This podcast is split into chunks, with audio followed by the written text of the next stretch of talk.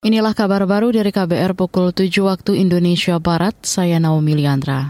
Cawapres 03 Mahfud MD enggan menanggapi wacana hak angket maupun interpelasi kecurangan pemilu di DPR. Menurutnya itu adalah ranah partai politik. Apakah partai itu menggertak apa enggak, saya enggak tahu dan tidak ingin tahu juga. Maka saya enggak ikut-ikut bicara urusan parsel. Saya tidak tidak akan berkomentar lah soal hak angket, hak interpelasi itu urusan partai-partai. Mau apa enggak. Kalau enggak mau juga saya tidak tidak punya kepentingan untuk berbicara itu. Mendukung juga enggak ada gunanya kalau DPR enggak.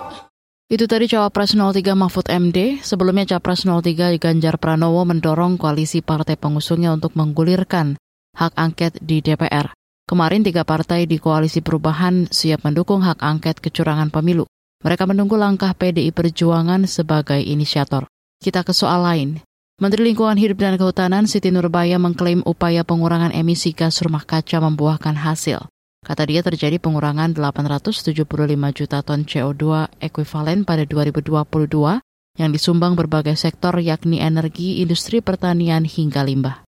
Hasil perhitungan inventarisasi GRK nasional menunjukkan bahwa tingkat emisi aktual GRK tahun 2022 sebesar 1,23 gigaton CO2 menunjukkan adanya pengurangan emisi dari baseline emisi sebesar 875,4 ton atau mendekati 42 persen.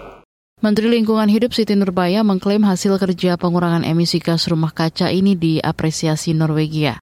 Salah satu negara di Eropa ini memberikan tiga tahap pendanaan sedangkan yang keempat sedang dalam proses. Beralih ke berita daerah, masyarakat sipil di Yogyakarta mengkritik kinerja Bawaslu DIY yang tak optimal di pemilu 2024. Bawaslu dinilai permisif terhadap politik uang, penyalahgunaan bansos hingga temuan penggelembuan penghitungan suara. Kemarin puluhan masa lintas komunitas kembali menggelar aksi teatrikal di kantor Bawaslu Yogyakarta. Mereka membawa kaleng kerupuk berukuran raksasa yang bertuliskan kerupuk melempem award untuk menyindir Bawaslu yang lemah terhadap pelanggaran-pelanggaran. Berikut keterangan koordinator Paguyuban Masyarakat Yogyakarta Prodemokrasi, Rendra Setiawan. Nah, kami melihat bahwa Bawaslu tidak melakukan itu, maka aksi ini kami lakukan. Kami memberi dorongan moral, juga kritik, juga tekanan kepada Bawaslu karena masih ada waktu Bawaslu untuk melakukan sesuatu agar proses demokratisasi di dalam pemilu ini dilaksanakan dengan benar. Rendra menyebut jika Bawaslu tak memenuhi tuntutan itu, maka ia menuntut pemilu ulang. Sementara itu, Ketua Bawaslu DIY Muhammad Najib mengatakan aspirasi warga akan menjadi masukan bagi penyelenggara pemilu.